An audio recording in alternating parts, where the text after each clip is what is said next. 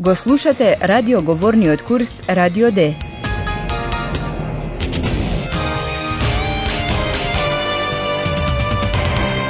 Заеднички проект на Гете институтот и Радио Дојче Веле. Авторка е Херат Мезе.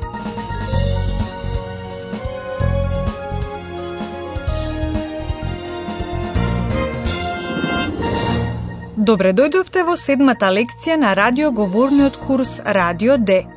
Нашите двајца уредници, Паула и Филип, како што знаете од предходната лекција, ја истражуваа смртта на кралот Лудвиг II, а денеска сака да ни раскажат нешто повеќе за животот на овој крал.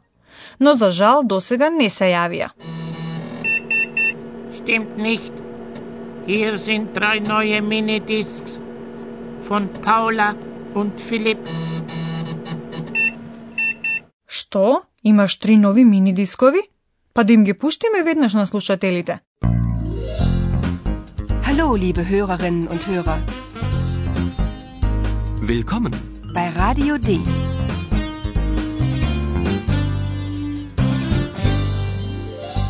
Radio D. Das Hörspiel. Како што веќе знаете, кралот Лудвиг II живеел во 19. век. Бил меланхоличен и љубел ноќта да ја претвора во ден. Ноќе се возел низ осамените шуми, а во зимскиот период со санка. Представете си ноќ со полна месечина, снежни планини и слушнете што сакал многу кралот Лудвиг.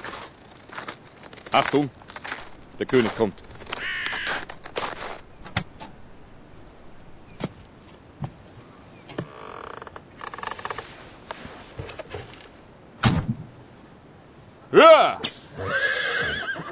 Los geht's!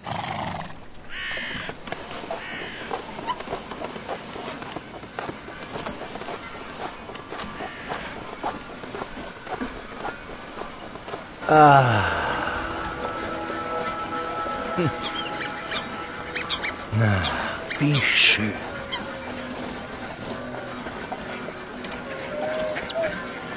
Das ist wunderschön. Ich liebe die Natur.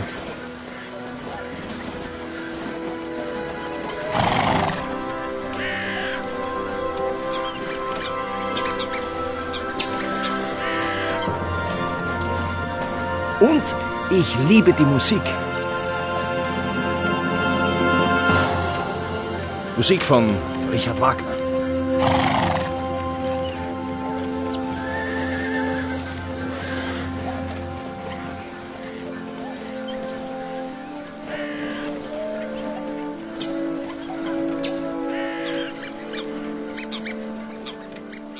Кралот Лудвиг бил љубител на музиката, особено онаа на својот пријател Рихард Вагнер. Und ich liebe die Musik. Musik von Richard Wagner.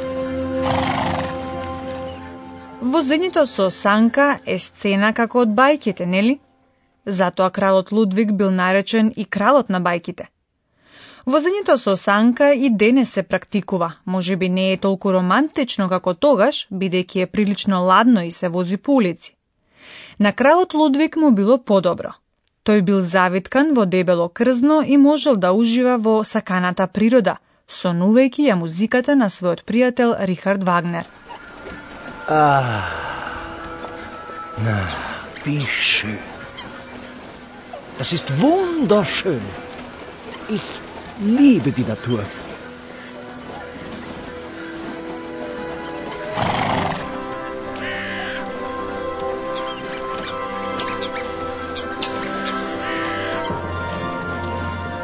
Und ich liebe die Musik. Musik von Richard Wagner.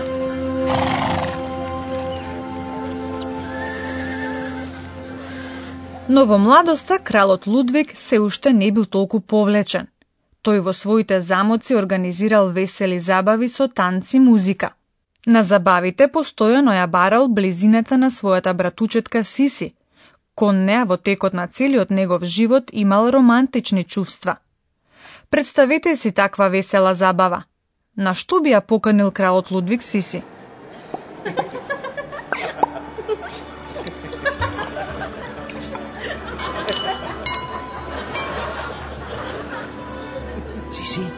Tanzen wir.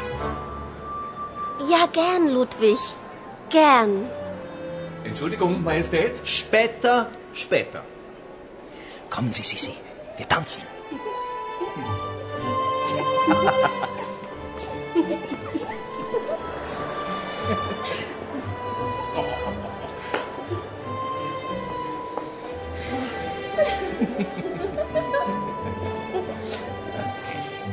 Лудвиг ја кани на танцу бабата Сиси, подоцнежна кралица на Австрија. Sisi, tanzen wir. Kommen Sie, Sisi, wir tanzen.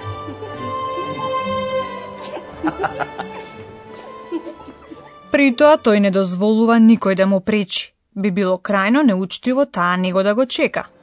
Entschuldigung, Majestät. Später, später. Kommen Sie, Sisi, wir tanzen. Кога кралот Лудвиг сакал да биде сосема сам со Сиси, ја поканувал во еден од своите замоци на ручек или вечера. Сигурно се прашувате, почитувани слушатели, како може човек да биде сам во толку голем замок? Еве го одговорот. Кралот Лудвиг во замокот Линдерхоф нарачал да му изградат маса со посебна конструкција. Кога Сиси за прв пат ја видела масата, била крајно изненадена. Можете да си представите за каква конструкција на маса тиш се работи? Essen und kein Tisch? Wie geht das, liebster Ludwig? Wo ist der Tisch? Moment, Moment.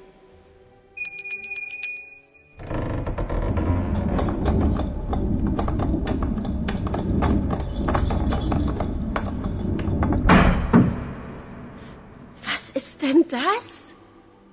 Ein Tisch, liebe Sisi? Das sehe ich, aber woher kommt der Tisch? Von unten. Von unten? Ja. Schauen Sie mal.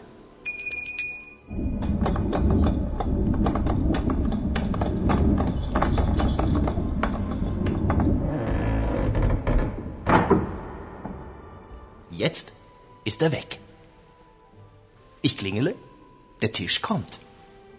Ich klingele, der Tisch verschwindet. Und wie geht das? Das ist eine besondere Konstruktion.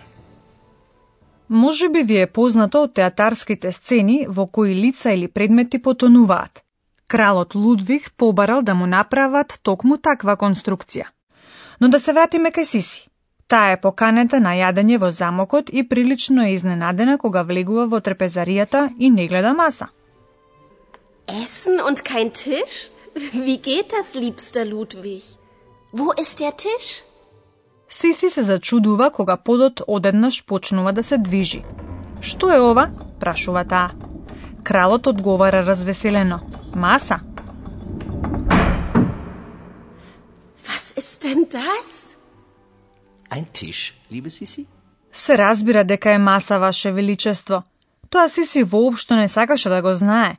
Туку од каде доаѓа од ненадеж масата? Одговорот од долу е краток и повторно не објаснува ништо. Das sehe ich, aber woher kommt der Tisch? Von unten. За да нема многу слуги за време на јадењето околу Лудвек и гостите, тој побарал да му се направи посебна конструкција. Во приземјето се наоѓала кујната, таму се поставувала масата. Потоа кралот Лудвиг задзвонувал и поставената маса преку една дупка во подот на трпезаријата се движела нагоре. Ich klingele, der Tisch kommt. Откако ќе се завршило јадењето, кралот Лудвиг повторно ќе задзвонел и масата ќе се спуштала во кујната. Ќе исчезнела. Ich klingele, der Tisch kommt. Ich klingele, der Tisch verschwindet. На прашањето како тоа функционира, Сиси го добивала само основното објаснување. Тоа е една посебна конструкција. Und wie geht das? Das ist eine besondere Konstruktion. Може би кралот Лудвиг и самиот не знаел како функционира неговата конструкција. Но како и да е, да се обидеме повторно да воспоставиме контакт со нашите репортери. Здраво, Филип, Паула, дали ме слушате? Ja, da sind wir wieder. Noch einen Moment bitte. Слушнавте, драги слушатели, за жал ке мораме да причекаме уште малку. Во меѓувреме ќе поразговараме со нашиот професор. Und nun kommt unser Professor. Radio D. Gespräch über Sprache. Која е денешната тема? Уште еднаш станува збор за глаголите. За нив има уште многу да се каже. Слушнете ги најнапред глаголите уште еднаш во инфинитив, например доаѓа, комен и љуби, односно сака, либен. Kommen. Lieben. Но нашите слушатели веќе знаат повеќе, имено дека глаголите менуваат формата. Така е, поточно кажано, се менува наставката што се додава на основата на глаголот. Слушнете ја најнапред основата на глаголот, а потоа инфинитивот со наставката n. Komm. Kommen. Lieb. Lieben. Сега веќе ја знаете наставката за инфинитив n. Кои други наставки ги слушате во наредниот пример? Kommt. Liebt. Јас слушнав едно Т. Прекрасно. Наместо n на крајот од глаголот се додава т, кога се зборува за трето лице, например за кралот Лудвиг. Der König kommt gleich. Achtung, der König kommt. Ако зборуваме за себе, значи во јас форма. Тогаш исто така се менува наставката на глаголот. Која наставка ја слушате во следниот пример? Liebe. Ich liebe. Ich liebe die Natur. На јас, их, се додава наставката е. Да, најчесто е така. Сега слушнете уште еднаш две сцени од оваа лекција.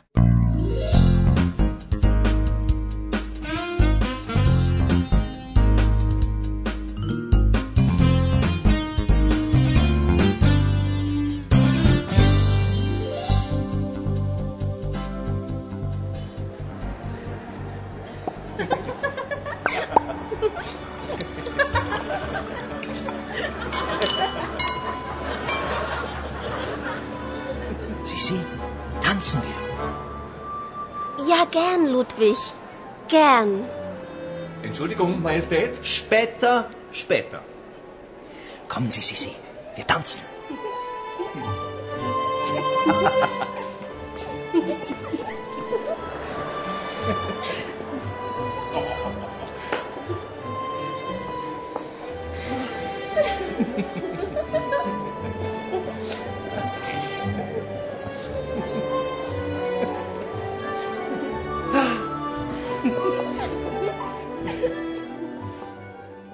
Кралот Лудвиг и ја покажува на Сиси масата со посебна конструкција. Essen und kein Tisch? Wie geht das, liebster Ludwig? Wo ist der Tisch? Moment, Moment.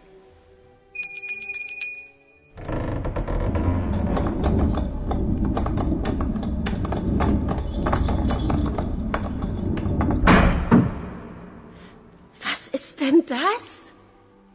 Ein Tisch, liebe Sisi?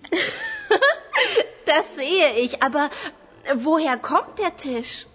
Von unten. Von unten? Ja. Schauen Sie mal.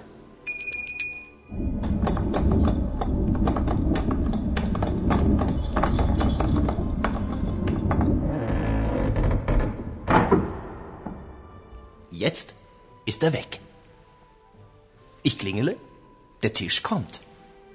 Ich klingele, der Tisch verschwindet. Und wie geht das? Das ist eine besondere Konstruktion. Следниот пат ке слушнете како продолжи разговорот со човекот кој тврди дека е кралот Лудвиг. Liebe Hörerinnen und Hörer, bis zum nächsten Mal.